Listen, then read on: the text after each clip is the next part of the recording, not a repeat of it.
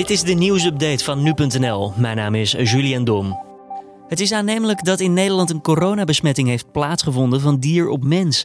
Dat meldt de Rijksoverheid op basis van nieuwe resultaten uit een lopend onderzoek naar besmettingen met het coronavirus op nertse bedrijven. De overheid noemt het aannemelijk dat de medewerker van het bedrijf besmet is door nertsen met het virus. Verder blijkt ook dat nertsen besmet zijn met het coronavirus niet altijd ziekteverschijnselen vertonen. Brazilië heeft dinsdag meer dan 1100 sterfgevallen geregistreerd als gevolg van het coronavirus. Dat meldt het Braziliaanse ministerie van Gezondheid. Het gaat om het grootste aantal sterfgevallen in een dag tijd tot nu toe in het land. In totaal zijn er daar nu bijna 18.000 mensen overleden aan de gevolgen van het virus. De Braziliaanse president Jair Bolsonaro heeft zich altijd verzet tegen de coronamaatregelen.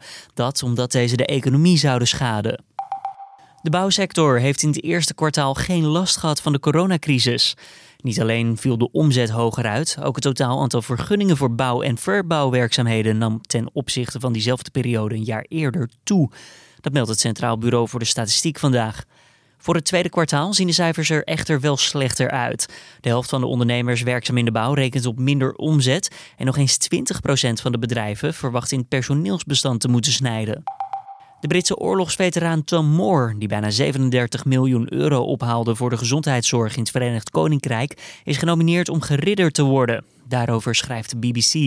De Britse premier Boris Johnson heeft Moore persoonlijk aangedragen bij de Britse koningin Elizabeth. De koningin zou die nominatie al geaccepteerd hebben, maar later vandaag wordt een officieel bericht hierover verwacht.